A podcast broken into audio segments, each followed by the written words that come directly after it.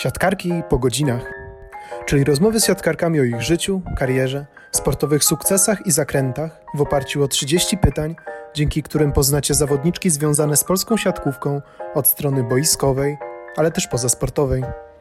Co sprawiło, że zaczęły grać w siatkówkę? Jakie są ich boiskowe i przedmeczowe rytuały?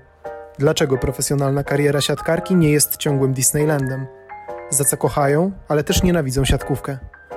Zapraszamy na audycję Siatkarki po godzinach, tylko w Radio Gol.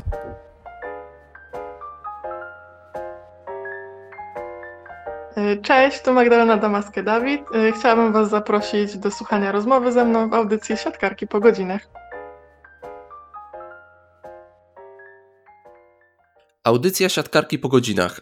42 odsłona, ale kolejna wyjątkowa, bo po raz pierwszy dopełnimy siostrzanego cyklu. W ósmej audycji była grająca jeszcze wtedy w budowlanej Łódź Paulina, a dziś z nami dziewczyna, która w lutym skończy dopiero 27 lat, a doświadczeniem siatkarsko-życiowym mogłaby obdarzyć co najmniej kilka siatkarek. W 42 audycji gościmy Magdalenę Damaskę-Dawid. Cześć, dzień dobry. Cześć, cześć, miło Cię słyszeć. Skąd miłość do małpek? Tak zapytam na początku. Do małpek? Mhm. A, domyślam się skąd pytanie. Mhm. E, miłość do małpek, no bo są przysłodkie generalnie, ale, To prawda. ale poza tym jakiś, jakąś wielką miłością ich nie darzę. Spotkałam je w te wakacje na Gibraltarze, na najlepszej wycieczce życia chyba, na jakiej byłam. E, No i były przesłodkie, naprawdę, ale wcześniej o nich e, jakoś specjalnie nie myślałam. Znaczy myślałam, bo się ich bałam. Mhm.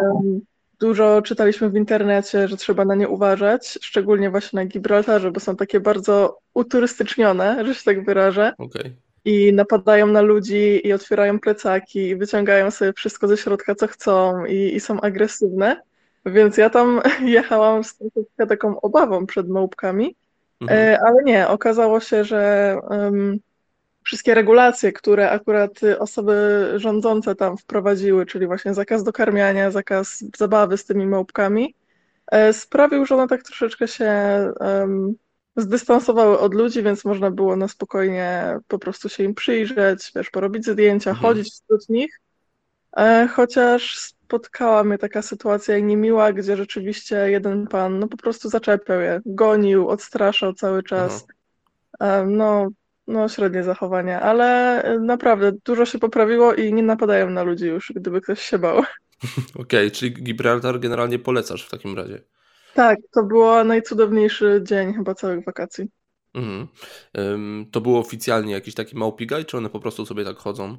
Nie, wiesz co, one tam Luźno. mieszkają po prostu. Luźno Aha. sobie chodzą gdzie chcą. Mają co prawda takie porobione mm, miejsca powiedzmy karmienia, więc głównie tam się też znajdują, ale mogą sobie biegać gdzie chcą. Em, no bo tam jest teren y, otwarty na Gibraltarze. To jest po prostu ich dom. To my jesteśmy tam przeszkodami, a, a Hmm. nie one. Mhm, Niechciani goście. E, bo ty mówiłaś kiedyś, że chciałabyś być któregoś dnia w, małpi, w Małpim Gaju.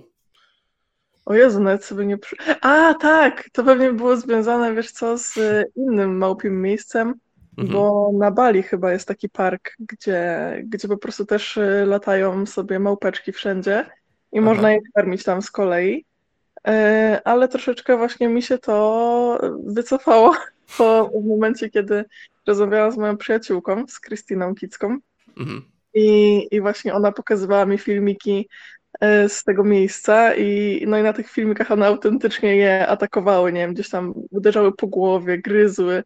Mhm. Także w tamtym momencie troszeczkę mi się ta miłość do małpeczek ostudziła chwilowo. A myślałaś, żeby mieć kiedyś e, u siebie w domu, w domu jedną? Jezu, nie, nie, nie, aż Nie, tak. aż do, tak nie. do takiego stopnia to nie doszło. Okej, już myślałem, że w pewnym momencie to twoja fascynacja nimi była na wysokim poziomie. Ale mówisz, że, e, że nie. No dobrze, to zaczęliśmy sobie mm, tematem zoologicznym, ale tak jak zazwyczaj to robię, sobie przejdziemy mniej więcej chronologicznie, choć będziemy zahaczać podczas tej rozmowy e, o różne tematy. Ty w siatkówkę zaczęłaś grać mniej więcej w wieku 8 lat. Mm, Od początku czułaś, że to jest to? Teraz to się zastanawiam po prostu, ile miałam lat. Wiesz, lepiej niż ja, szczerze No, mówiąc, bo Druga klasa podstawówki, e, tak, tak znalazłem. E, Więc chyba ma się 8 lat wtedy. Możliwe, że tak było. Wiem, że na mojej pierwszej książeczce sportowej, takiej już profesjo znaczy profesjonalnej, no, e, do zawodów w młodziczkach e, miałam wpisaną datę 2007 rok, mhm. chyba. Więc to było, miałabym wtedy 11 lat, na takich oficjalnych zawodach już wiadomo. Mhm. Ale tak, wcześniej grałam już e, gdzieś na jakichś SKS-ach, w klubie. Mm, I głównie to chyba zaczęło się tak, że E, byłam po prostu na festynie z mamą. Mhm. W Romie były takie festyny czasem. E, później wyjechałam na wakacje do babci i nic się nie spodziewałam. Się okazało, że na tym festynie zobaczył mnie jakiś trener. E, I, I później gdzieś próbował dotrzeć do, do rodziców, że po prostu przysłali mnie na trening, więc, więc tak to się zaczęło. I złapałaś szybko bakcyla?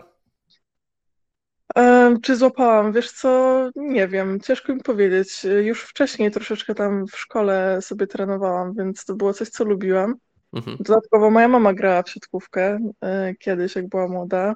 Później e, w tym samym czasie moja starsza siostra grała też w siatkówkę właśnie w tym klubie, mhm. więc to było coś, gdzie no gdzieś z tyłu głowy miałam e, taką myśl, że może ja bym mogła spróbować. No i dosyć szybko się wkręciłam, no bo później trenowałam praktycznie, praktycznie codziennie, więc, więc no, weszło mi to w krew już dosyć szybko. Ty w ogóle dostałaś możliwość wyboru innego sportu, bo jak mówisz, mama grała w siatkówkę, ciocia też. Wiesz co, u nas y, w Rumi y, po pierwsze nie przypominam sobie, żeby były jakieś zespoły inne. Mhm. To też było dosyć świeżo po tym, jak my się dopiero sprowadziliśmy, bo wcześniej mieszkaliśmy pod Malborkiem, na takiej słodkiej wsi małej. Um, i, I nie wiem. Jakoś lekkoatletyka mnie specjalnie nie, nie, nie ciągnęła. Koszykówka też nie. Ja w ogóle nie, nie przepadam za takimi sportami, gdzie, gdzie się można, powiedzmy, dotykać z przeciwnikiem, mhm. tak? E, I, I, są takie bardziej agresywne. E, więc siatkówka była jakby takim i tak najlepszym wyborem. E, myślę, że nawet w nic innego nie chciałabym grać. Okej. Okay zaczęłaś trenować, no tak jak mówisz, poważniej, znaczy poważniej, po prostu trenować i traktować to poważniej od piątej klasy podstawówki, nie czułaś w pewnych momentach żalu, że, że ci to zabiera czas na spędzanie go z koleżankami na podwórku tak bardziej frywolnie? Um, na początku miałam tego czasu jeszcze trochę, wiesz, tak właśnie mhm. w tej drugiej, podstaw, y, w drugiej klasie podstawówki. Później tego czasu było mniej, bo rzeczywiście mm, pamiętam, że kiedyś chciałam się tak bardzo z koleżankami spotkać po szkole, e, ale wydaje mi się, że właśnie trenowałyśmy praktycznie codziennie. teraz się zastanawiam w ogóle, jak to możliwe, że raczej w tamtych czasach się nie trenowało, wiesz, na takich mhm. niższych poziomach codziennie, ale musiało tak być, bo pamiętam, że poszłam do trenera któregoś razu i tak prosiłam go, czy mogłabym któregoś, któregoś dnia nie przyjść, bo tak bardzo bym chciała spotkać z koleżankami. Um, no, nie zgodził się. No to duży tak. rygor tam mieliście. No tak, w ogóle całe moje takie początkowe siatkarskie przygody były dosyć rygorystyczne. E, więc tak, trochę mi tego brakowało. Wiadomo, miałam koleżanki na treningach, ale to też się później trochę zmieniło, bo zawsze trafiałam do grupy ze starszymi dziewczynami. I to mhm. były starsze dziewczyny, wiesz, o, o kilka lat. Mm, no więc w momencie, kiedy ja byłam w takiej no, piątej klasie, one były gdzieś w gimnazjum na przykład, no to ta przepaść była dosyć e, duża i pomimo tego, że były bardzo miłe i, i wspierające, to wiadomo, że to nie jest taki wiek, gdzie, gdzie gimnazjaliści zadają się z, no, z dziećmi, mhm. no nie ukrywajmy tego. No wiadomo, no w, tym, w, w, sytuacji, w której jesteś teraz, no łatwiej byłoby ci pogadać z dziewczyną mającą 22 lata niż 8-latce z 13-latką, bo ta różnica w, pe w, pewnym czasie po prostu się zaciera. Ty byłaś jakoś obrażona na siatkówkę z tego względu, że, że zabierał ci czas ze znajomymi, bo nie wiedziałaś wtedy, czy, czy to w, po pewnym czasie się, się spłaci. Wiesz co, nie, nie byłam jakoś obrażona na siatkówkę, po prostu były takie no, cięższe momenty, kiedy wiadomo, chciałoby się mieć i to, i to, y, a to nie było możliwe, ale jakiejś wielkiej obrazy nie pamiętam, szczerze mówiąc. Mhm. Mm, tak z przebiegiem y, czasu, jako że miałaś dużo osób związanych w domu y, z siatkówką i nie tylko w domu, czułaś to wsparcie takie siatkarskie? Do tej pory je czujesz? E, teraz tym bardziej, jak moja siostra gra już tak na takim poważnym poziomie. Wcześniej czułam takie wsparcie, no bo wiesz, szłam na trening i w Rumi hala była dzielona na trzy sektory. Mhm. I y, one tak się układają po kolei. Najmłodsze trenowały po prawej stronie, najstarsze po lewej, po środku środkowe. Mhm. Więc ja idąc na takie treningi w tej najmłodszej grupie, zawsze widziałam gdzieś przez te takie kotary przezroczyste, no po prostu moją starszą siostrę, więc ona zawsze była gdzieś w okolicy. Zawsze jak miałam problem, to, to mnie wspierała. Więc y, ten początek y, ona mi bardzo pomogła. Później ona już przestała trenować, a ja z kolei weszłam do tej grupy, kiedy, w której ona gra, więc się Przesunęła się o sektor w lewo. O dwa sektory właściwie. O dwa nawet. Mhm. tak, to był awans dwusektorowy. Um, I e, no później już po prostu jakoś sobie radziłam sama. Wspierała mnie z domu, tak samo jak, jak rodzice. E, no a później e, dołączyła moja siostra, więc, więc z kolei e, to wsparcie się trochę na nią przesunęło. No i szczególnie teraz od paru lat, kiedy, kiedy też gra w Tauron Lidze, to po prostu jest nam tak do siebie trochę bliżej, wiadomo. Mhm. Mm, w jednym z wywiadów sprzed paru lat pytano o to, jak wygląda Twój dzień. Ty mówiłaś: Wstaję rano, idę do szkoły, po szkole jadę na obiad, uczę się i rozmawiam z mamą. Wymieniamy się codziennymi plotkami. Dalej masz taki kontakt z mamą? Yy, tak, z, z, mamą mam dobry kontakt, ale już po pierwsze nie chodzę do szkoły nie, i nie dzwonię codziennie. Um, nie, no nie dzwonię codziennie, bo jakoś nie, nie ma czasu też, no tyle się nie dzieje po prostu w międzyczasie. Wcześniej jak, bo to musiał być wywiad, wiesz co, z czasów jak byłam w SMS-ie. No, no bardzo jednak, dawno. Tak, mhm. tak, no więc y, to był czas, kiedy no, nam brakowało wszystkiego właściwie, wiesz, byliśmy dzieciakami, które mieszkały na drugim końcu Polski mhm. zamknięte w szkole. Nie miałyśmy tam osobnego życia, tylko mm, cały czas byliśmy w tym samym towarzystwie i w szkole, i na posiłkach, i po szkole, i na treningach 24 na dobę. Więc tego kontaktu też bardzo nam zewnętrznego było dużo potrzeba. Mhm. E, więc tak, dzwoniłam codziennie, zawsze coś tam sobie opowiadałyśmy, co u niej, co u mnie. E, teraz to jest trochę rzadziej, nasz się kontakt mamy dalej świetny, po prostu już nie, nie dzwonimy do siebie codziennie. Ale dużo właśnie w tym roku usłyszałam takich e, komentarzy. Dużo mama mi towarzyszyła przy organizowaniu ślubu. Mhm. I dużo było takich komentarzy, że po prostu mamy kontakt jak, e, no jak siostry właściwie. Aha, no to fajnie. Że to się zdarza. Właśnie moja teściowa też mówiła, że wow, super, wy to w ogóle macie taki kontakt, że no trzy siostry z Paulą tak naprawdę. Mhm. A mama umie plotkować o siatkówce? Czy umie plotkować o siatkówce? No oczywiście, że umie. Y, hmm. Ja nie umiem, to jest problem. O. Co to znaczy? Znaczy, no to nie jest coś, co według mnie jest warte, znaczy warte, Boże nie, to źle zabrzmiało. Mhm. Y, to jest też moje środowisko, to ja nie czuję mm, takiej potrzeby, żeby plotkować o tym i jakoś rozmawiać. W sensie, co się dzieje wokół mnie, to jak najbardziej, ale nie, nie szukam jakiejś sensacji zazwyczaj z okay. tej związanej. No bo to jest moja codzienność, to jest co innego niż, wiesz, plotkowanie o jakichś gwiazdach czy, czy o kimś innym. Mhm. Mm, wejdziemy sobie na chwilę w temat, no, który też stanowi dużą część e, Twojej kariery, niestety, i, i mhm. jest na czasie, czyli e, kontuzje. Która odcisnęła na Tobie największe piętno? Ojeju. Um, każda chyba, wiesz? Każda po mhm. kolei po prostu coś, y, coś wnosiła. Albo coś zabierała właściwie. Um, ciężko mi powiedzieć, wiesz, bo na początku bardzo długo się zmagałam z problemami z barkiem. E, to mi zabrało wiele znaczy lat, no, sezonów takich, wiesz, meczy ważnych, rozgrywek międzynarodowych, na które nie pojechałam. Mm, wiele takich szans. I później, jak trafiłam do, do Atomu po raz pierwszy, no to tam po prostu był genialny fizjoterapeuta, który po prostu od razu sobie z tym poradził, tak naprawdę. Mhm. Mm, I to nawet e, nie chodziło o to, że była konieczna operacja wcześniej, bo możliwe, że nie była konieczna, tylko no nie trafiłam w odpowiednim czasie do odpowiedniej osoby, która potrafiłaby się tym zająć. E, I po tym, jak e, on mi z tym pomógł, no to ja już e, właściwie nie miałam problemów z barkiem. W sensie wiadomo, czasem mnie bolał na takiej samej zasadzie jak innych, bo był przeciążony, ale to były takie, mm, no bardziej y, chwilowe rzeczy, które po prostu trzeba było gdzieś zadbać o, o wzmocnienie, o jakieś rozluźnienie i, i było z głowy. E, no ale to była taka pierwsza kontuzja, która się ciągnęła, ciągnęła i ciągnęła, więc no, duży wpływ to wywołało na takiej zasadzie, że to był moment, kiedy ja potrzebowałam trenować i wiesz, się Mhm. udoskonalać, a nagle straciłam rok po prostu przez niegranie. Mhm. Miałam jakieś tam problemy z kolanem, e, to tak samo w sumie to wyglądało podobnie. E, No a później miałam e, kontuzję pleców, która zabrała mi no, po raz kolejny dużo, dużo czasu, dużo zdrowia, dużo siły i wszystkiego. Mhm. No i dotykało to, tak jak mówisz, różnych części ciała i, i w zasadzie nie było jakiegoś wspólnego mianownika, tylko działo się mm, w różnych miejscach. Ta obecna kontuzja jest w jakimś stopniu dla ciebie inna od, od tych innych?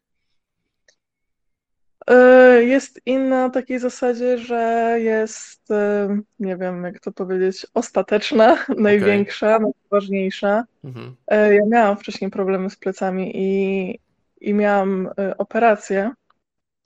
I teoretycznie teraz ta, którą mam, też powinna zostać zoperowana, ale ja się no, na razie nie decyduję się na operację, ponieważ tamta poprzednia e, zrobiła mi dużo mm, szkody później w, w późniejszym funkcjonowaniu i we wszystkim, więc staram się to em, załatwić bardziej od strony rehabilitacyjnej, na tyle, na ile się da. No już trochę długo to trwa, bo już próbuję, kiedy mi się to wydarzyło.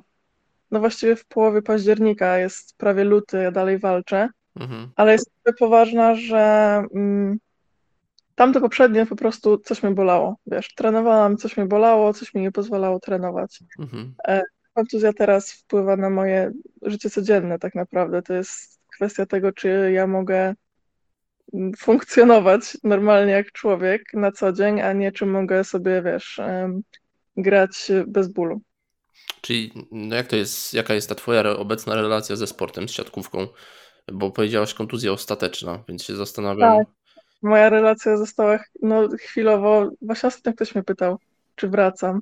No powiedziałam, że szansa na to, że wrócę, to jest jakieś 5% oceniam. W sensie Okej. nie wykluczam, bo, bo lubię sobie zostawić przestrzeń do działania i zmiany Mhm. zdania generalnie, ale no w momencie teraz, jak e, moje takie życie codzienne i moje zdrowie, które mm, no, wpływa na, na całe moje życie takie późniejsze, już pozakarierowe, jest zagrożone, no to po prostu nie sądzę, żeby był, wiesz, sens ryzykować cały czas. Siatkówka schodzi wtedy na drugi plan, kiedy jest no, realne zagrożenie, że to może mieć większy wpływ po prostu na codzienne funkcjonowanie. Dlatego pojawiły się w międzyczasie, czy zakładam, że tak, ale to spytam o konkrety, jakieś myśli co po siatkówce? Właśnie tak, y, generalnie mm, wcześniej jak y, przesłuchiwałam te twoje audycje, tam pytałam siostry, o co pytałeś, Mhm. to i, i wysyłałeś mi kiedyś te- takie pytania, które kiedyś zadawałeś, tam było takie pytanie, Mhm. co byś chciała robić po karierze? Mhm. I właśnie trochę się zaśmiałam pod nosem wtedy, przyznaję szczerze, i, i, i chciałam odpowiedzieć, że no szkoda, że ktoś mi nie zadał tego pytania w trakcie, bo może bym teraz wiedziała, co chcę robić. Okej, aha. Byłoby mi łatwiej. Mhm. Czyli nie masz planu konkretnego. Wiesz co, szukam. Na Mhm. szczęście w międzyczasie, jak grałam, udało mi się zrobić staż, e, więc takie pierwsze doświadczenie z jakąś pracą mam, więc o tyle jest mi łatwiej, że e, na własnej skórze sobie sprawdziłam, że sobie poradzę w nowym środowisku, w takiej normalnej pracy, Mhm. bo robiłam staż w dziale HR, więc rekrutowałam ludzi, tam zajmowałam się różnymi rzeczami.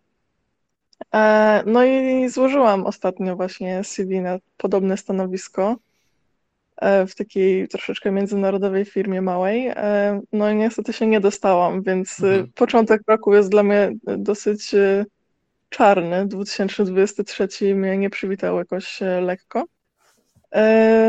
Ale czy, czy to bym chciała robić? Nie wiem. W ogóle ostatnio em, dostałam się na kurs programowania. O, Tak, e, mój mąż e, poniekąd w pracy e, trochę programuje. Mhm. Nie jest takim programistą, ale robi to między innymi. Em, I on zawsze do mnie mówił: Boże, ty po prostu musisz nauczyć się programować, będziesz w tym idealny. Mówię, ale Mhm. skąd ta myśl? Przecież Ja nienawidzę komputerów, komputery Aha. nienawidzą mnie. Wszystko mi się w rękach. Y, no do tego stopnia, że czasem mi się nawet mail nie chce wysłać, dopiero jak odejdę parę metrów dalej, to się wysyła. Więc mówię, skąd ci to przyszło w ogóle do głowy?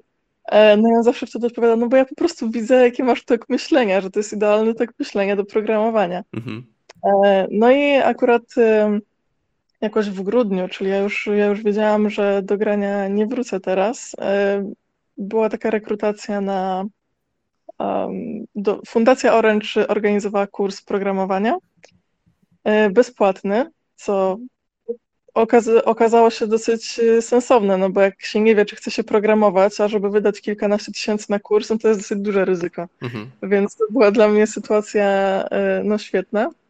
No tylko trzeba było się tam dostać i trzeba było przejść rekrutację. E, no ja tą rekrutację przeszłam po prostu. Mhm. Było tam, e, wiadomo, sprawdzanie CV, później jakieś rozmowy i wszystko. E, I się dostałam i naprawdę mi się to podoba. Idzie mi, no uważam, że dobrze. Zresztą mam do potwierdzenia osobę, która się nad tym zna i mówi, Aha. że dobrze mi idzie. Więc na razie się w to wkręcam. Zobaczymy, może się wkręcę tak ostatecznie.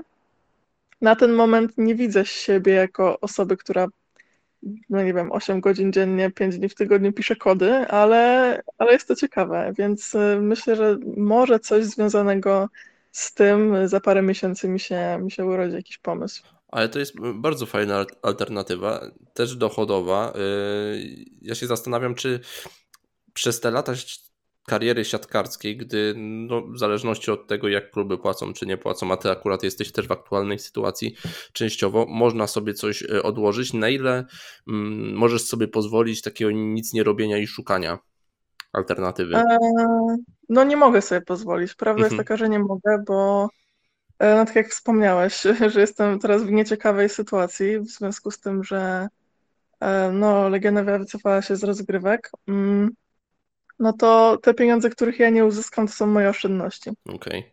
Mhm. Czyli oszczędności po prostu nie mam, bo e, ja tam czytałam wywiady, dziewczyny mówiły, że to jest, e, prawda jest taka, że każdy miał inne zaległości, ponieważ każdy miał inną, inny procent po prostu wypłaty z miasta, e, a inny z klubu, dlatego są te rozbieżności w tym, kto jakie ma zaległości. Um, no, ja mam zaległości łącznie pięć wypłat i to mhm. wliczając to wypłaty ze stypendium. Okay. Czyli łącznie brakuje mi pięciu, czyli no umówmy się, pracowałam pół roku za darmo. Mhm. E, no i to były moje e, wszystkie oszczędności. Ja w ogóle chciałabym zdementować to, bo e, już abstrahując od absurdu tej sytuacji, która się teraz wydarza, słuchałam wywiadu prezesa w siódmej strefie. Mhm. E, w momencie, kiedy mówił, że no już e, chciałby uspokoić wszystkich, że zawodniczki przecież dostawały stypendium, że to nie jest tak, że nie miałyśmy płacone. Dostawałyśmy stypendium, dobrych kilka tysięcy złotych, więc miałyśmy za co się utrzymać. Już abstrahując od tego, że pracodawca nie jest osobą uprawnioną do tego, żeby mówić, ile pieniędzy wystarczy ci do utrzymania, no bo... Absurdalne to słowa były, tak?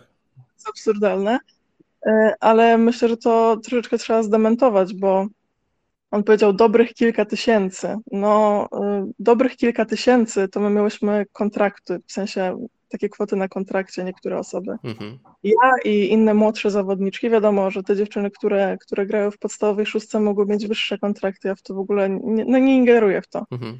Ale jeżeli on mówi dobrych parę tysięcy, no to mijamy się tu z prawdą, ponieważ um, dochodziło do tego, że w niektórych miesiącach moje stypendium z miasta, jeżeli dobrze pamiętam, potrafiło wynieść 1600-1800 zł, a w tych lepszych miesiącach nieznacznie więcej. To za to trzeba było wyżyć, miesięcznie tyle wpadało.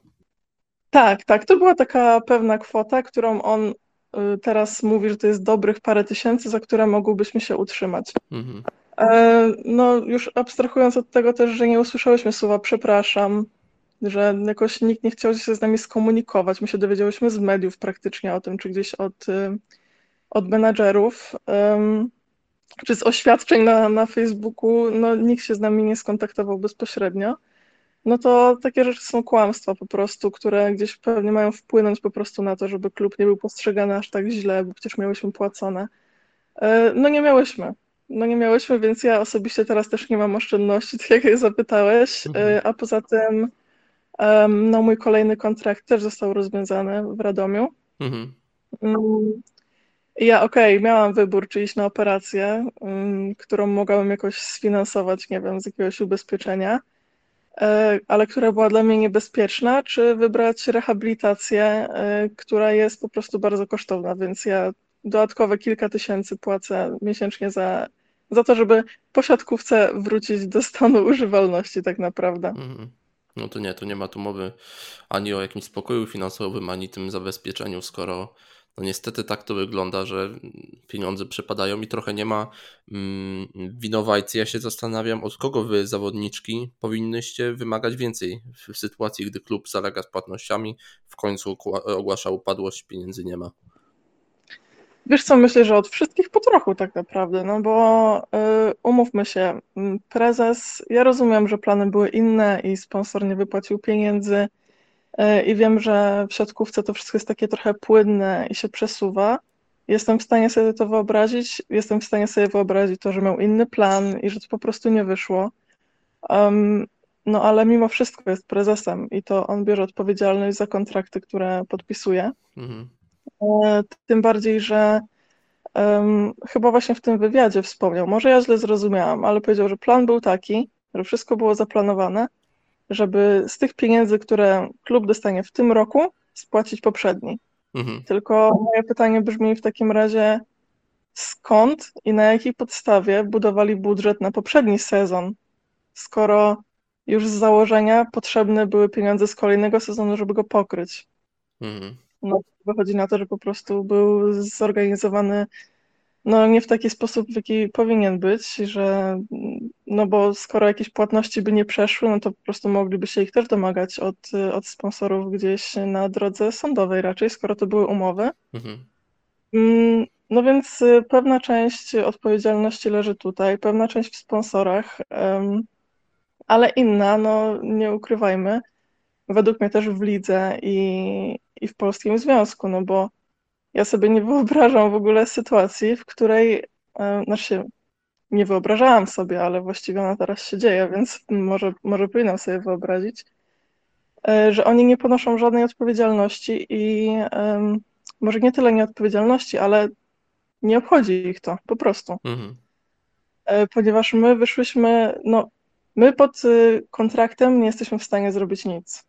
Mhm. Nie możemy źle o klubie powiedzieć, nie możemy nikomu nic powiedzieć tak naprawdę, nie możemy nie wyjść na mecz, nie możemy się zbuntować, więc y, no, mamy bardzo ograniczone pole popisu w trakcie trwania kontraktu, wiadomo. Tym bardziej, że cokolwiek nie zrobimy, może wpłynąć na sytuację, na relacje klubu ze sponsorami. Tego nie chcemy, bo chcemy odzyskać po prostu swoje pieniądze. Jak nie będzie sponsora, nie będzie też pieniędzy. Mhm. Więc ręce miałyśmy dosyć związane. Pomysłów było dużo. Jak, y, co zrobić, żeby po prostu, wiesz, dać e, taką iskierkę, żeby zrobić ruch i Mhm. e, pokazać, że my się na to nie godzimy, że to nie jest w porządku, że to się dzieje na porządku dziennym w niektórych klubach, w innych częściej, w innych e, rzadziej albo w ogóle. Mhm. Stąd to SOS. Tak, i stąd były te koszulki z napisem SOS. Um, żarowiaste pomarańczowe, uwierzcie, nie lubimy ko- koloru pomarańczowego. Mhm. Ta koszulka nie została nigdy w życiu ponownie y, jakoś użyta. Um, pomysłów wtedy na tą akcję było sporo. Niektóre, wiadomo, były bardziej żarto w takiej formie żartu już y, z, Mhm. z takiego y, zmęczenia powiedziane, ale no wybrałyśmy najłagodniejszą opcję, jaką mogłyśmy, bo w ogóle na sam napis na koszulkach było wielkie głosowanie. E, No ja uważam, że SOS to była naprawdę delikatna forma przekazu, bo, bo były inne pomysły. Ja osobiście głosowałam na co innego. Ja osobiście głosowałam na, na, na wielki napis wolontariusz na plecach, Aha, bo to by ha. idealnie w ogóle em, tą ideę, którą my tam robiłyśmy, po prostu harowałyśmy, harowałyśmy za darmo, czyli jak wolontariusz. E, Były inne pomysły. Były pomysły związane z.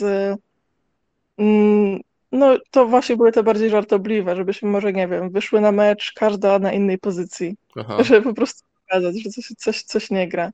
Albo żeby przez pierwszą akcję w ogóle nie ruszyć się, pozwolić piłce wpaść, po prostu stać na no, boisku. To byłby mocny jak... protest. Tak, ale to już wpływało na coś, za co mogłybyśmy zostać bardzo ukarane. Więc y, no, swoją drogą trener oczywiście by się na to nie zgodził, e, wiadomo. Mhm. E, więc wybrałyśmy naprawdę najłagodniejszy e, sposób, jaki mogłyśmy. Według mnie powinien być zauważony i to oczami ktoś to zauważył, ale nikt o tym nie napisał, nikt się nie zapytał, o co chodzi z tą akcją. Mhm. E, myślę, że wszyscy albo się bali, albo po prostu z góry mieli powiedziane, że nie mogą. Już naprawdę ciężko powiedzieć, no ale nikt nie zareagował. Liga nie zareagowała, nikt tak naprawdę. A związek? Y, chodzi mi o, o, o klub, jak, jak zarząd, o, jak zarząd zareagował. Um, no, nie najlepiej bym powiedziała, zareagował. Mhm. W pierwszej y, chwili dostałyśmy wiadomości, właściwie nie my, tylko y, nasza pani kapitan Mm, która oczywiście przekazywała nam wszystkie informacje, e, no, które mogła. E, no to były wiadomości z wszelkiego rodzaju zarzutami, że mm, nie wiem, że jesteśmy nielojalne, że jakim prawem w ogóle to robimy, że klub się stara nam pomóc, a przez nasze działania zaraz wszyscy sponsorzy się wycofają. Um, już y, może nie będę przytaczać różnych takich cytatów, które tam się pojawiły, no bo mhm. nie ma sensu po prostu, ale to były naprawdę według mnie słowa nie na miejscu, bo my nie zrobiliśmy nic złego, chciałyśmy tylko zasygnalizować problem, e, zasygnalizować to, że się nie zgadzamy na takie traktowanie i że to nie jest w porządku po prostu. Mhm. E, no i jak ktoś nam zarzuca brak lojalności po tym, kiedy my przez pół roku niepłacenia wychodzimy na mecz, no to, no to jest nie na miejscu komentarz według mnie. Cała ta historia jest w ogóle absurdalna, bo no wy znalazłyście się w, w postawieniu trochę, znaczy w sytuacji trochę bez wyjścia, no bo jeżeli wiążą was te wszystkie kontrakty, które zabraniają jawnego protestu, yy, walki, jakby nie patrzeć o swoje, no to co można zrobić? No w zasadzie to, co zrobiłyście, czyli grać i liczyć na to, że, że te pieniądze mm, w końcu będą, a no niestety budżet budowany jest trochę wirtualnymi pieniędzmi, tymi, które mają przyjść, a jak się okazało w tym sezonie, no bywa tak, że pieniądze nie przychodzą, no i coś, co komu można zrobić, no wychodzi na to, że tak, nic. Tak. Wcześniej pytałeś, czego mogłybyśmy się spodziewać od związku w ogóle jeszcze i od y, ligi. Mhm.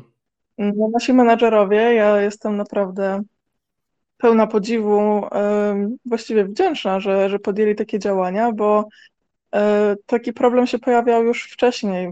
E, no już w poprzednich sezonach te pieniądze były wypłacane po prostu z dużym poślizgiem i było dużo jakichś nieprzyjemnych sytuacji z tym. To nie jest tak, że tylko w tym roku. Ja wiem, że prezes mówił, że one były spłacane i rzeczywiście były spłacane te pieniądze, no ale to też się odbywało w jakichś takich nie najlepszych warunkach i w nie najlepszej atmosferze.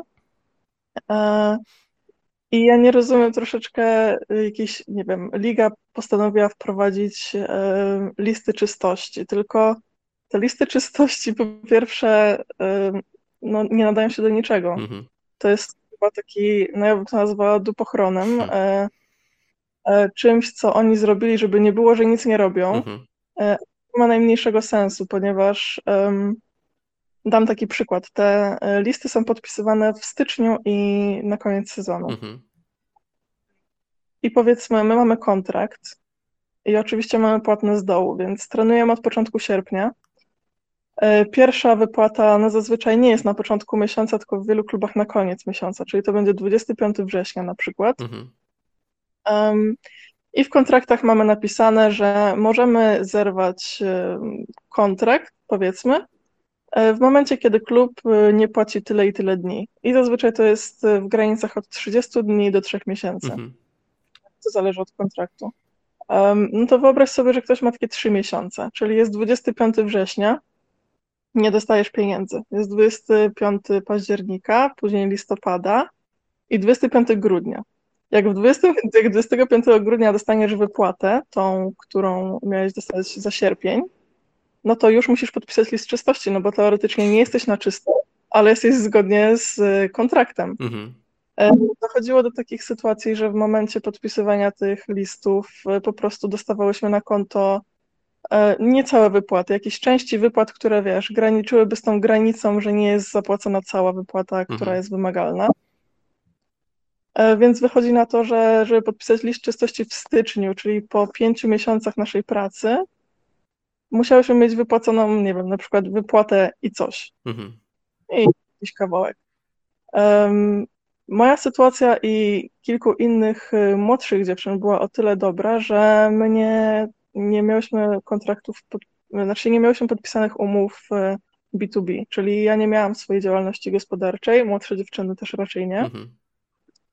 Ale były osoby, które miały. I w tym momencie dochodzimy do takiego absurdu, gdzie one muszą em, płacić e, tak naprawdę procent od. e, no już nie mówię o wszystkich składkach, bo oczywiście muszą płacić wszystkie składki, ale muszą też płacić procent od wypłaty, podatek, e, której no, nie dostały. One musiały to wszystko opłacić, więc nie dość, że były w, do tyłu o powiedzmy, no w moim przypadku to jest pięć wypłat. Mhm.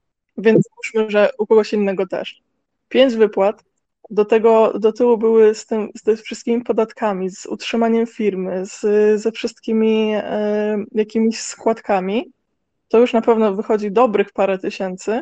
E, dodatkowo, żeby mieszkać w Legionowie, no to umówmy się, nikt z Legionowa nie pochodzi, więc musiałyśmy wynajmować mieszkania, a to jest rynek warszawski, więc to też nie, nie należy do najtańszych.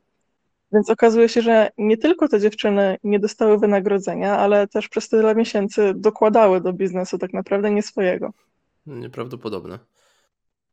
Chyba właśnie mam, wiesz co, ostatnio wywiad z Agatą Babicz. Mhm. Nie pomyliłam nazwiska, Nie, chyba nie, nie, nie, jest tak. Agata Babicz. Mhm. Y, I to było dla mnie wstrząsające, bo ja nie wiedziałam nawet. On napisał coś takiego, że jak klub z piły upadł, no to właśnie tak samo, że nie dość, że ona nie dostała tych pieniędzy, e, to jeszcze musiała pokryć długi, które klub zrobił, nie płacąc składek za nią. No i to mówiła, że to jakieś bardzo potężne, tam w granicach 10 tysięcy złotych. Tak, tak. No więc to jest y, trwożące i najgorsze jest to, że no, takie zgłoszenia są. Ja wiem, że liga o tym wie, bo nasi menadżerowie się kontaktowali przed sezonem y, bardzo często, podsyłali różne możliwości rozwiązania. To nie jest tak, że liga coś proponowała, to my proponowaliśmy cały czas. Mhm. E, No ale nie, nie byli chętni. Oni twierdzili, że oni nie mają wpływu, oni nie są od tego, no, że nie mają narzędzi generalnie, żeby coś takiego zrobić. E, No, żadna chęć pomocy i nawet stworzenia jakichś nowych zapisów, czy nowych właśnie narzędzi, czy nowych możliwości nie padła.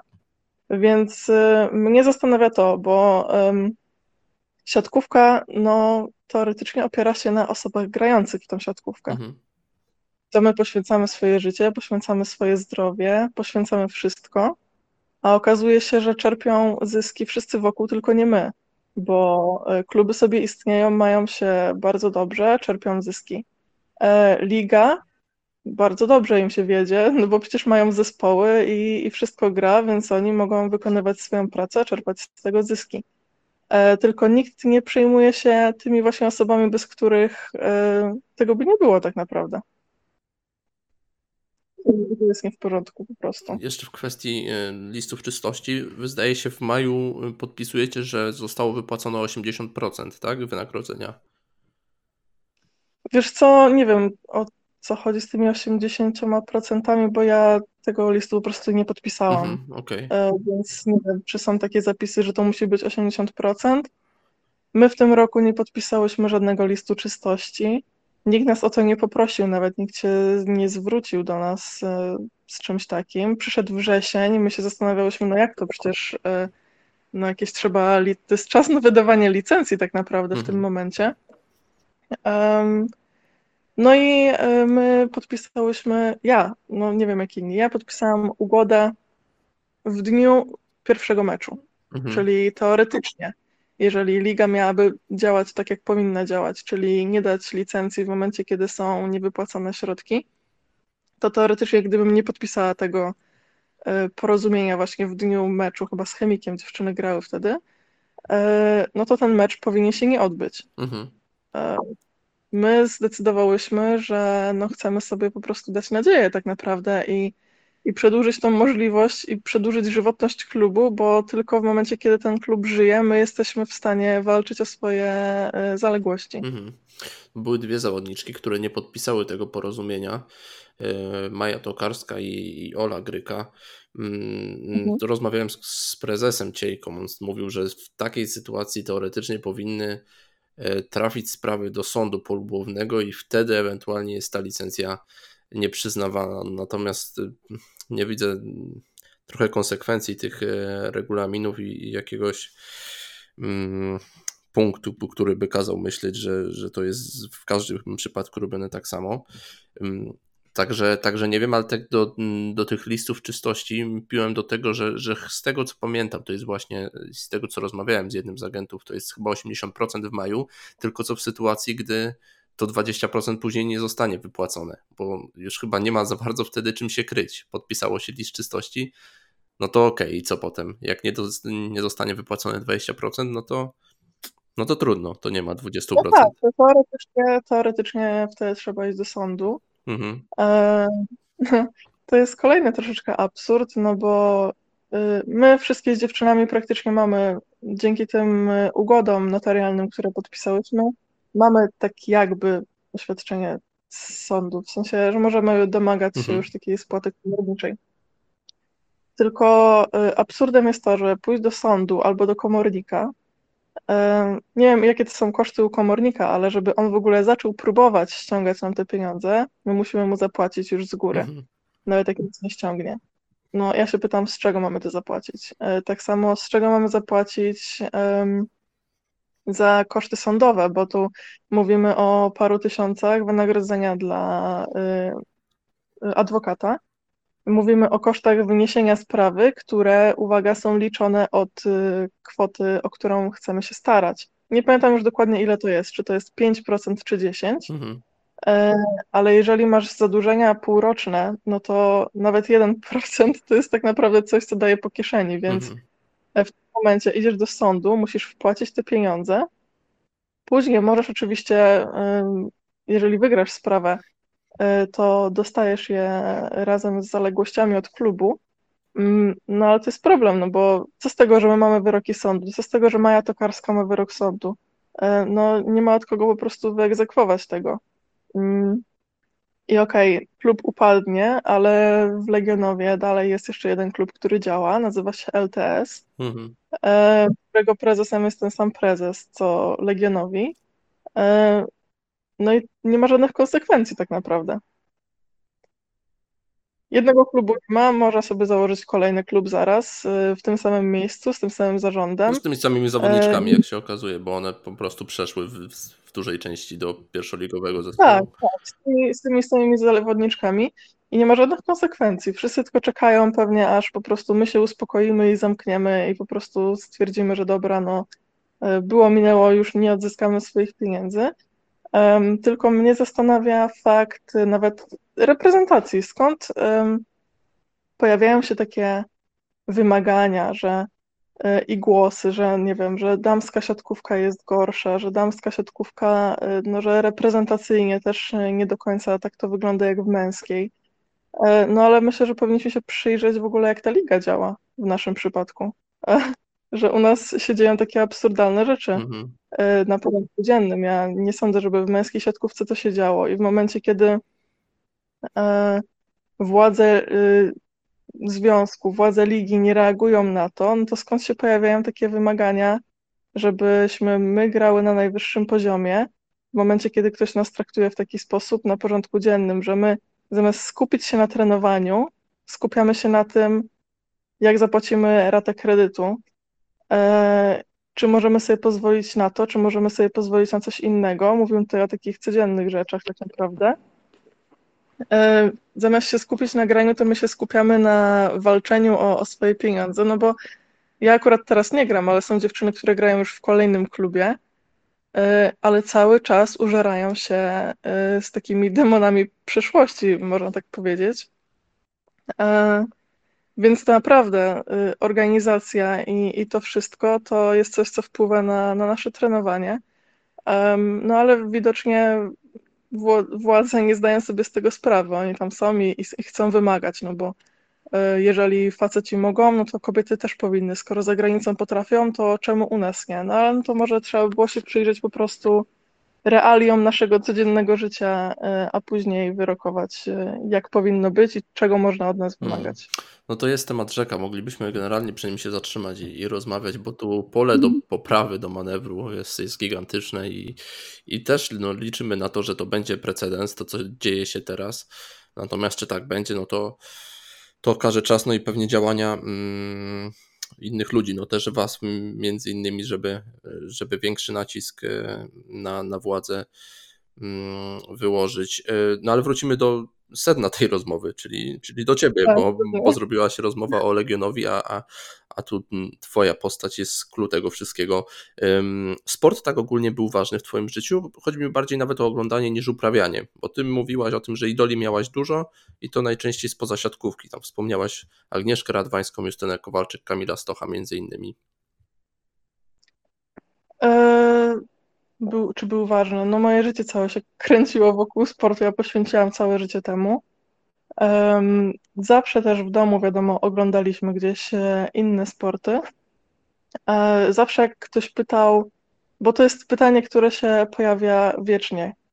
Jak chcesz być jak kto, albo kto jest twoim idolem, e, albo którą zawodniczkę najbardziej uwielbiasz? No, no się, okej, niech ktoś sobie myśli, że, że tak, że tak to wygląda. Może rzeczywiście w momencie, kiedy ktoś zaczynał jako małe dziecko i, e, i miał jedną zawodniczkę, którą gdzieś tam ubóstwiał jeszcze przed tym, jak zaczął grać, to może rzeczywiście tak to e, wyglądać. Ja wcześniej, zanim zaczęłam grać w siatkówkę, to siatkówką się nie interesowałam jakoś bardzo. Mhm. I też e, nigdy nie uznawałam czegoś takiego, żeby być po prostu jak jedna inna osoba. E, Jakoś e, nie jestem osobą, która widzi jakiegoś aktora na, na ulicy i, i po prostu i piszczy z zachwytu, bo ja sobie zdaję sprawę, że są po prostu ludzie jak każdy Mhm. inni. Są dobrzy w tym, co robią, ale pewnie są też, e, mają jakieś swoje słabości, więc raczej nigdy nie opierałam się na byciu jak jedna osoba, bo według mnie o wiele więcej można wyciągnąć e, z obserwacji wielu osób tak naprawdę, od każdego wziąć coś dobrego. Zresztą my sami w sobie też mamy swoje cechy, mamy jakieś swoje dobre strony, więc e, po prostu bez sensu byłoby jeden do jednego naśladować kogoś innego, porzucając tym samym e, jakieś swoje e, pozytywne aspekty. Więc e, tak, się- jakby sport w ogóle był, był dosyć istotny. Ja byłam takim żywym e, dzieckiem na zasadzie, że całe życie spędziłam na podwórku. Tym bardziej, że wychowywałam się na początku na wsi, no to ja po prostu mieszkałam na dworze. To w domu bywałam okazjonalnie. Chciałabym powiedzieć, że szłam jeść, ale nie, się po prostu krzyczało z podwórka, mamo, zrzuć mi jedzenie, no i wtedy z balkonów i z okien na podwórko do dzieciaków leciały siatki z jedzeniem tak naprawdę, bo nawet nie było czasu, Mhm. wiesz, żeby wejść na, na drugie piętro i sobie coś zabrać. Więcej czasu z chłopakami czy E. z dziewczynami spędzałaś na podwórku? Y, Wiesz, ze wszystkimi. Zazwyczaj to, zazwyczaj to były takie e, osiedla, w których mieszkaliśmy, gdzie e, budynki były na przykład ustawione, wiesz, w Mhm. koło albo w kwadrat. No i wiadomo, że wszystkie dzieciaki z tego kwadratu szły do środka na, na podwórko, więc wszyscy razem się bawiliśmy. W zależności od tego, kto był akurat na dworze, no to z, to, z tymi osobami się spędzało czas. E, Mimo wszystko gdzieś bardziej mnie ciągnęło chyba do chłopaków, do grania w piłkę nożną, do udowadniania, że dziewczyny przecież są takie twarde i też mogą być, wiesz, Mhm. e, i też mogą grać w piłkę, i też mogą się bić, i, i wszystko mogą właściwie. E, Ale nie, byłam jakoś bardzo wybiórcza w towarzystwie. Mhm. Y, W kwestii tych e, idoli, nigdy nie miałaś tak, że będąc już na boisku, spojrzałaś na drugą stronę siatki i pomyśl- pomyślałaś sobie, że wow, to jest ta słynna, nie wiem, strzelam Anna Werblińska i, i robi wrażenie, że stoisz po drugiej stronie. Mm, Wiesz co, bardziej zazwyczaj mnie e, już e, może mijając kwestię siatkówki, e, podziwiałam to, jak one po prostu stały na tym boisku. Mhm. W sensie, że takie były pewne siebie, takie skupione. No, ich, ich zachowanie i postawa to, to mi najbardziej e, imponowało. Mm, ale w momencie, jak byłam na boisku, to starałam się tak nie myśleć, żeby po prostu skupić się na graniu i postrzegać ich jako przeciwnika i e, no tak naprawdę próbować cokolwiek zrobić, żeby, żeby mecz wygrać. E, wiadomo, że gdzieś z boku zawsze tą postawę się, się jakoś tak e, podziwiało, ale zazwyczaj u każdej osoby to podziwiało się coś innego. A ta robi dobrze to, ta robi tamto. Mhm. Więc, więc było dużo takich zawodniczek mówili, że o wow, to jest ta słynna Anna Werblińska i tu właśnie dochodzimy do tego e, jakby aspektu z aktorami, że, mhm. że jest ktoś sławny i ktoś taki dobry.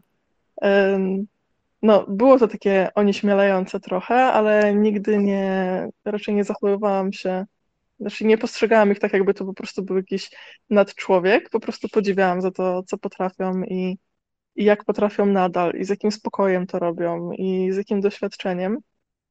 E, ale pojawiały mi się takie same myśli w stosunku do dziewczyn, które po prostu nie były jeszcze nadal taką ikoną i potrafiłam znaleźć e, takie aspekty po prostu w zwykłych, znaczy w zwykłych, no w takich zawodniczkach, które po prostu występowały w lidze. Mhm.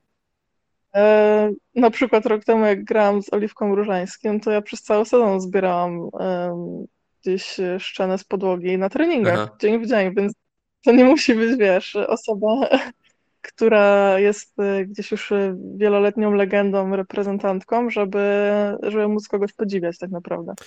Wchodząc do dorosłej szatni w siatkówce, ty od początku szłaś jak po swoje, czy byłaś przez pewien czas zamknięta w sobie?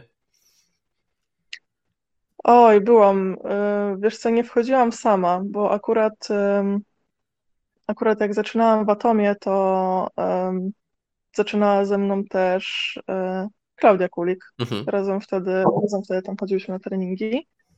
Um, byłam taka o, onieśmielona, wiesz. E, nie wiedziałam, na co mogę sobie pozwolić, nie wiedziałam, co potrafię, nie wiedziałam, jak moje umiejętności w ogóle będą się e, miały do tego, co, co tam spotkam, bo e, pamiętam, poszłam na pierwszy trening i przysięgam, ja nie wiedziałam, co się dzieje.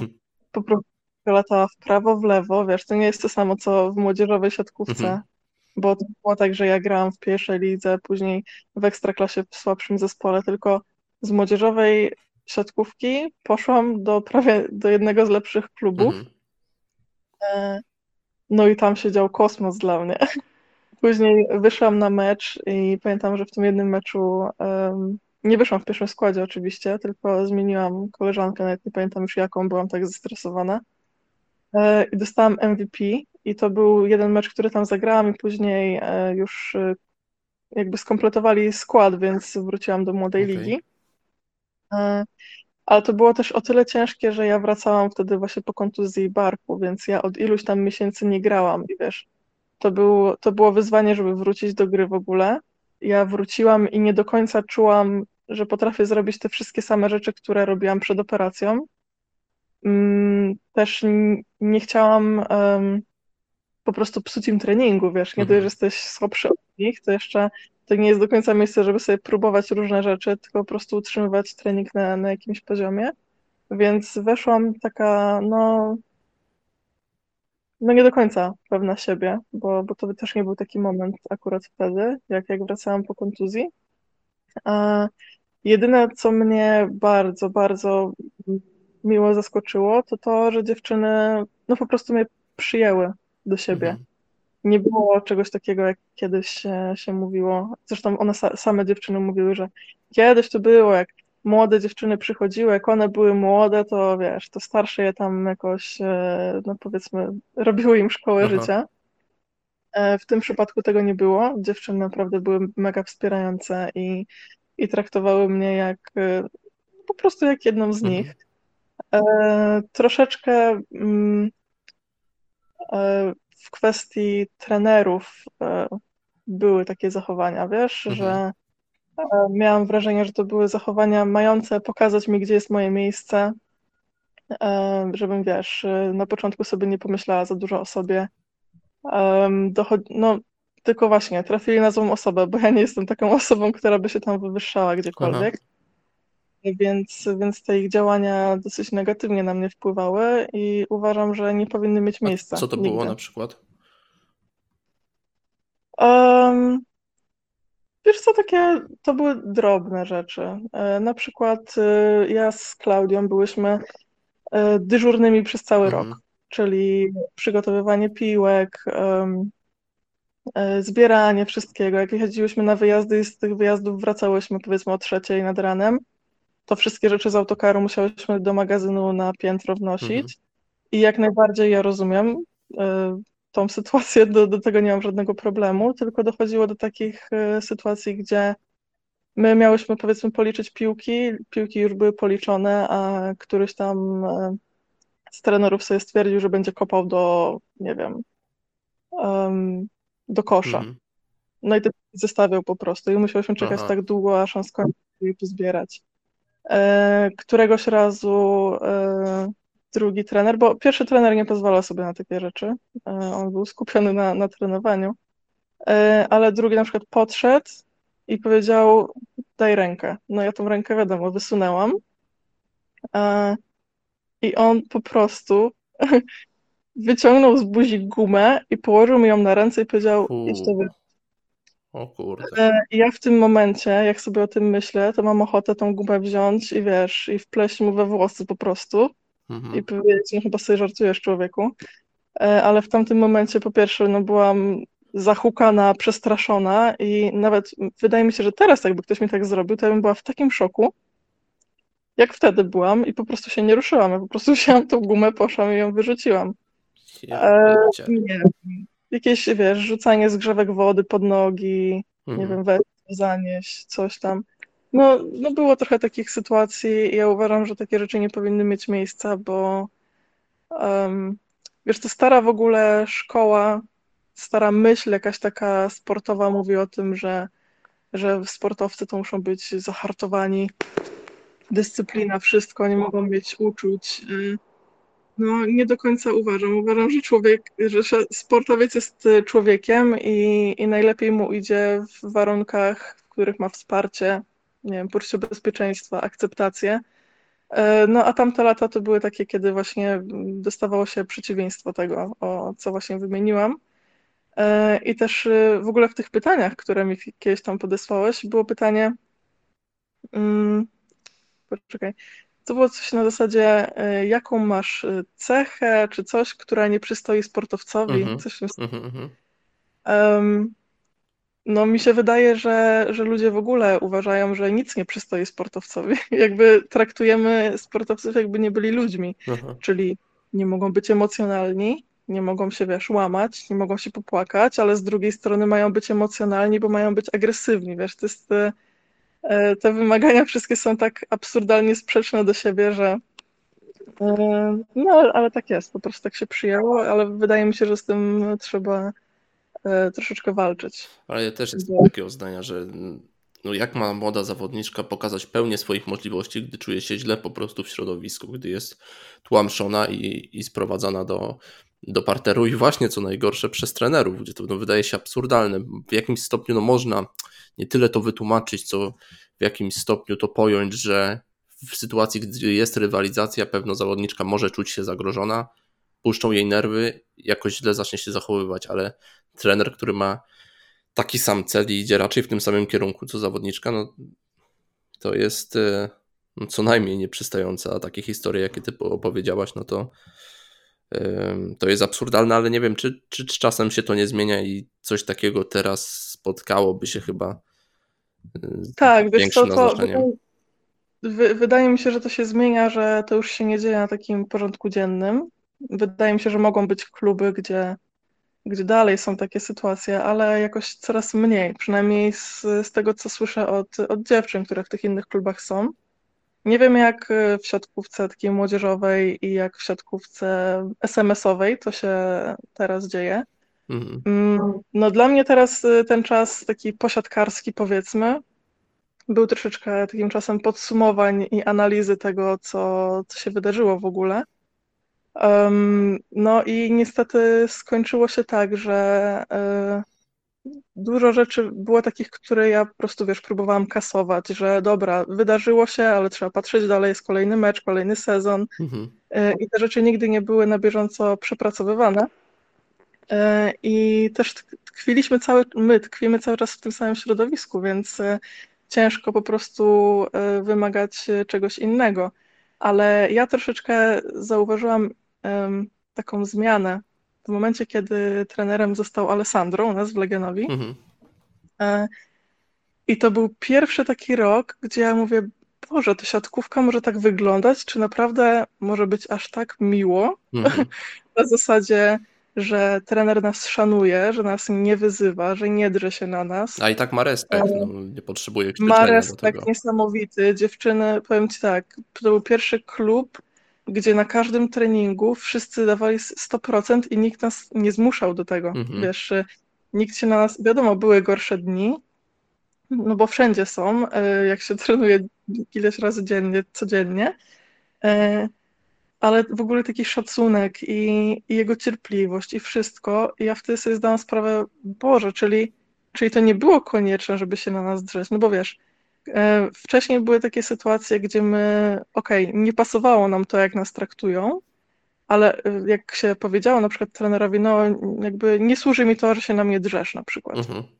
To on wtedy powiedział, to co według ciebie mam zrobić, żebyś grała lepiej? No my nie wiedziałyśmy, nie wiedziałyśmy jakie są opcje, mhm. bo przeżyłeś tylko to. I nagle tutaj przysz przyszedł Alessandro i, i zupełnie inaczej nas traktował i dla mnie to było takie oświecenie, że o Jezu, to w ogóle da się inaczej i um, no i to był dla mnie taki, taki duży krok uzmysłowić sobie, że, że to, co się działo wcześniej, nie było w porządku po prostu. Mhm. Bo to też trzeba rozdzielić, że w niektórych przypadkach mm, takie ostrzejsze podejście do zawodniczki im służy, bo to nie zawsze jest tak, że, że, że każda zawodniczka tego nie potrzebuje, no ale jednak trzeba znaleźć ten złoty środek po prostu. Tak, oczywiście niektóre mówią, y, że no wręcz potrzebują takich rzeczy, tylko tu właśnie wchodzi indywidualne traktowanie, a nie traktowanie wszystkich y, z góry jedną myślą. Mhm. Y, więc trzeba po prostu wiedzieć, co się robi. E, no i w związku w ogóle z tymi rzeczami, które wiesz, się działy gdzieś tam na początku mojej ścieżki. Później z każdym rokiem było oczywiście coraz lepiej. Też wiesz, sytuacja się zmieniała.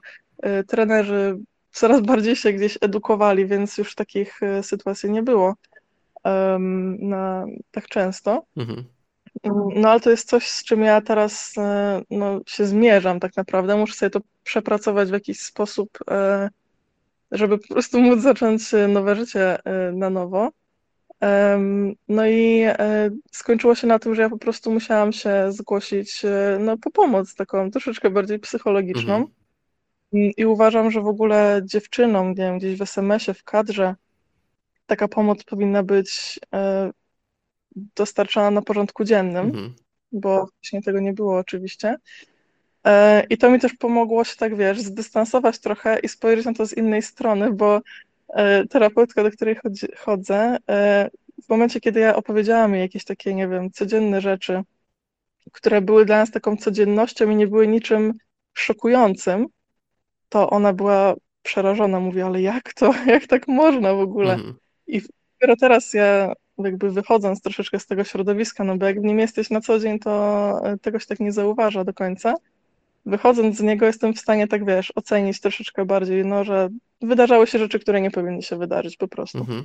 Y, to też jest ważny temat, więc sobie chwilę o tym porozmawiamy. Kiedy zgłosiłaś się po pomoc psychologa? E, wiesz co, niedawno właściwie. Ja myślałam o tym już e, wcześniej, tylko zazwyczaj um, po prostu um, może nie tyle chciałam iść do psychologa, bo um, no nie będę teraz tłumaczyć, czym, jaka jest różnica między psychologiem a psychoterapeutą. Mhm. psychoterapeuta po prostu prowadzi jakiś taki logiczny ciąg dochodzenia do siebie i, i to jest ważne, żeby terapia pojawiała się co tydzień. Mhm. Znaczy, w zależności od nurtu, który wybierzemy, ta częstotliwość jest inna, ale zazwyczaj jest to co tydzień tego samego dnia o tej samej porze. Mhm. E, no, będąc sportowcem, to po prostu było niewykonalne dla mnie. My w niedzielę o 23 potrafiłyśmy dostawać plan na kolejny tydzień mhm. albo na kolejny dzień tylko. więc y, nigdy nie byliśmy w stanie sobie nic umówić, nawet parę dni wcześniej, a co dopiero z jakimś wyprzedzeniem, dzień w dzień ustalić y, jedną datę i jedną godzinę. To po prostu było wykonalne, bo nigdy nie miałyśmy planu z góry gdzieś nawet na tydzień w przód. Znaczy zdarzało się, ale, ale to też nie, nie było częste. Mm, więc y, ja dopiero zaczęłam regularnie chodzić. Um, nie pamiętam teraz, jaki to był dzień. To chyba były teraz, w tym, w tym roku mhm. poprzednim, parę miesięcy temu dosłownie. Nie pamiętam, czy był wrzesień czy październik, e, w momencie jak miałam e, po prostu e, kontuzję. A to powodem były, było takie generalne już doświadczenie życiowe, czy jakieś wydarzenie? Nie pytam konkretnie, tylko, tylko tak ogólnie. Wiesz co, wydarzenie nie. Tych wydarzeń po prostu było dużo i ja czułam od jakichś iluś tam, może nie sezonów, miesięcy, że, że jeżeli będę chciała ruszyć dalej w życie pozasiatkarskie, to muszę sobie to wszystko poukładać po prostu. Mhm. A, że w, tym, w tej karierze, w tym, w tym zawodzie, powiedzmy, ja jestem w stanie funkcjonować no, dobrze, i sobie radzić, bo to jest środowisko, które znam, wiem jak się zachować i tak dalej. Mm, ale wiedziałam, że jak będę chciała e, skończyć siatkówką, no to będzie mi ciężko po prostu gdzieś się przełączyć na, na inny styl życia i, i na wszystko inne. Więc um, ja wiedziałam tak gdzieś z tyłu głowy, że ten koniec się zbliża. Tak czułam, że wiesz, mhm. że może sezon, może dwa. E, jeżeli będę się czuła na siłach, no to może więcej oczywiście, ale chciałam po prostu zacząć tą terapię, żeby w momencie jak też skończę grać, to po prostu być już w pełni gotową do, do normalnego życia. I te efekty są już na tym etapie wyraźne? E, wiesz co, ciężko tutaj rozmawiać w ogóle o, o efektach terapii, bo ja teraz się mierzę i z terapią swoją i z rehabilitacją. Okay. Więc to na, na, wszystko wpływa to, w jakim stanie ja jestem fizycznym teraz, jak się czuję. Mhm. Um, ale tak, uważam, że, że to jest bardzo ważne. Widzę to po innych ludziach, które, którzy mają jakieś schematy zachowań i cały czas się ich trzymają i nie wiedzą skąd one są. Y, no, terapia dała mi o tyle dużo, że mm, ten cykl myślowy, który jest w trakcie spotkania, towarzyszył mi później przez cały tydzień między spotkaniem a spotkaniem. Mm, ja jestem w stanie po iluś tam, po tych paru miesiącach teraz, y, może nie walczyć z rzeczami, które robię źle, mhm. ale jestem w stanie je wyłapywać, więc w momencie, kiedy się gdzieś zapędzam i widzę, o, tutaj się koleżanko zapędziłaś troszeczkę, to staram się mm, wiesz, zatrzymać i zastanowić w ogóle skąd się to bierze, skąd się bierze takie zachowanie, uczucie. Um, i, I to jest bardzo satysfakcjonujące, kiedy wiesz, co się z tobą dzieje jakby takie życie świadome w ogóle jest y, o tyle satysfakcjonujące, że pomaga w komunikacji, w takich codziennych y, czynnościach. Mm, nie jest do końca przyjemne, no bo na przykład jak masz takie, nie wiem jak to się nazywa, systemy obronne powiedzmy, mhm. zaprzeczenie czy coś takiego, no to jest coś, co my ludzie robimy na co dzień i to jest coś, co jest dla nas łatwe. Po prostu. Ktoś nas obraża, to ja się bronię. Mhm. I tyle akcja, reakcja.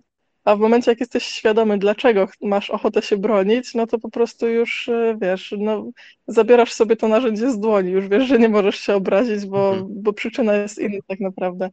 Więc y, to jest ciężkie i lekkie jednocześnie, ale uważam, że, że warte każdego poświęcenia.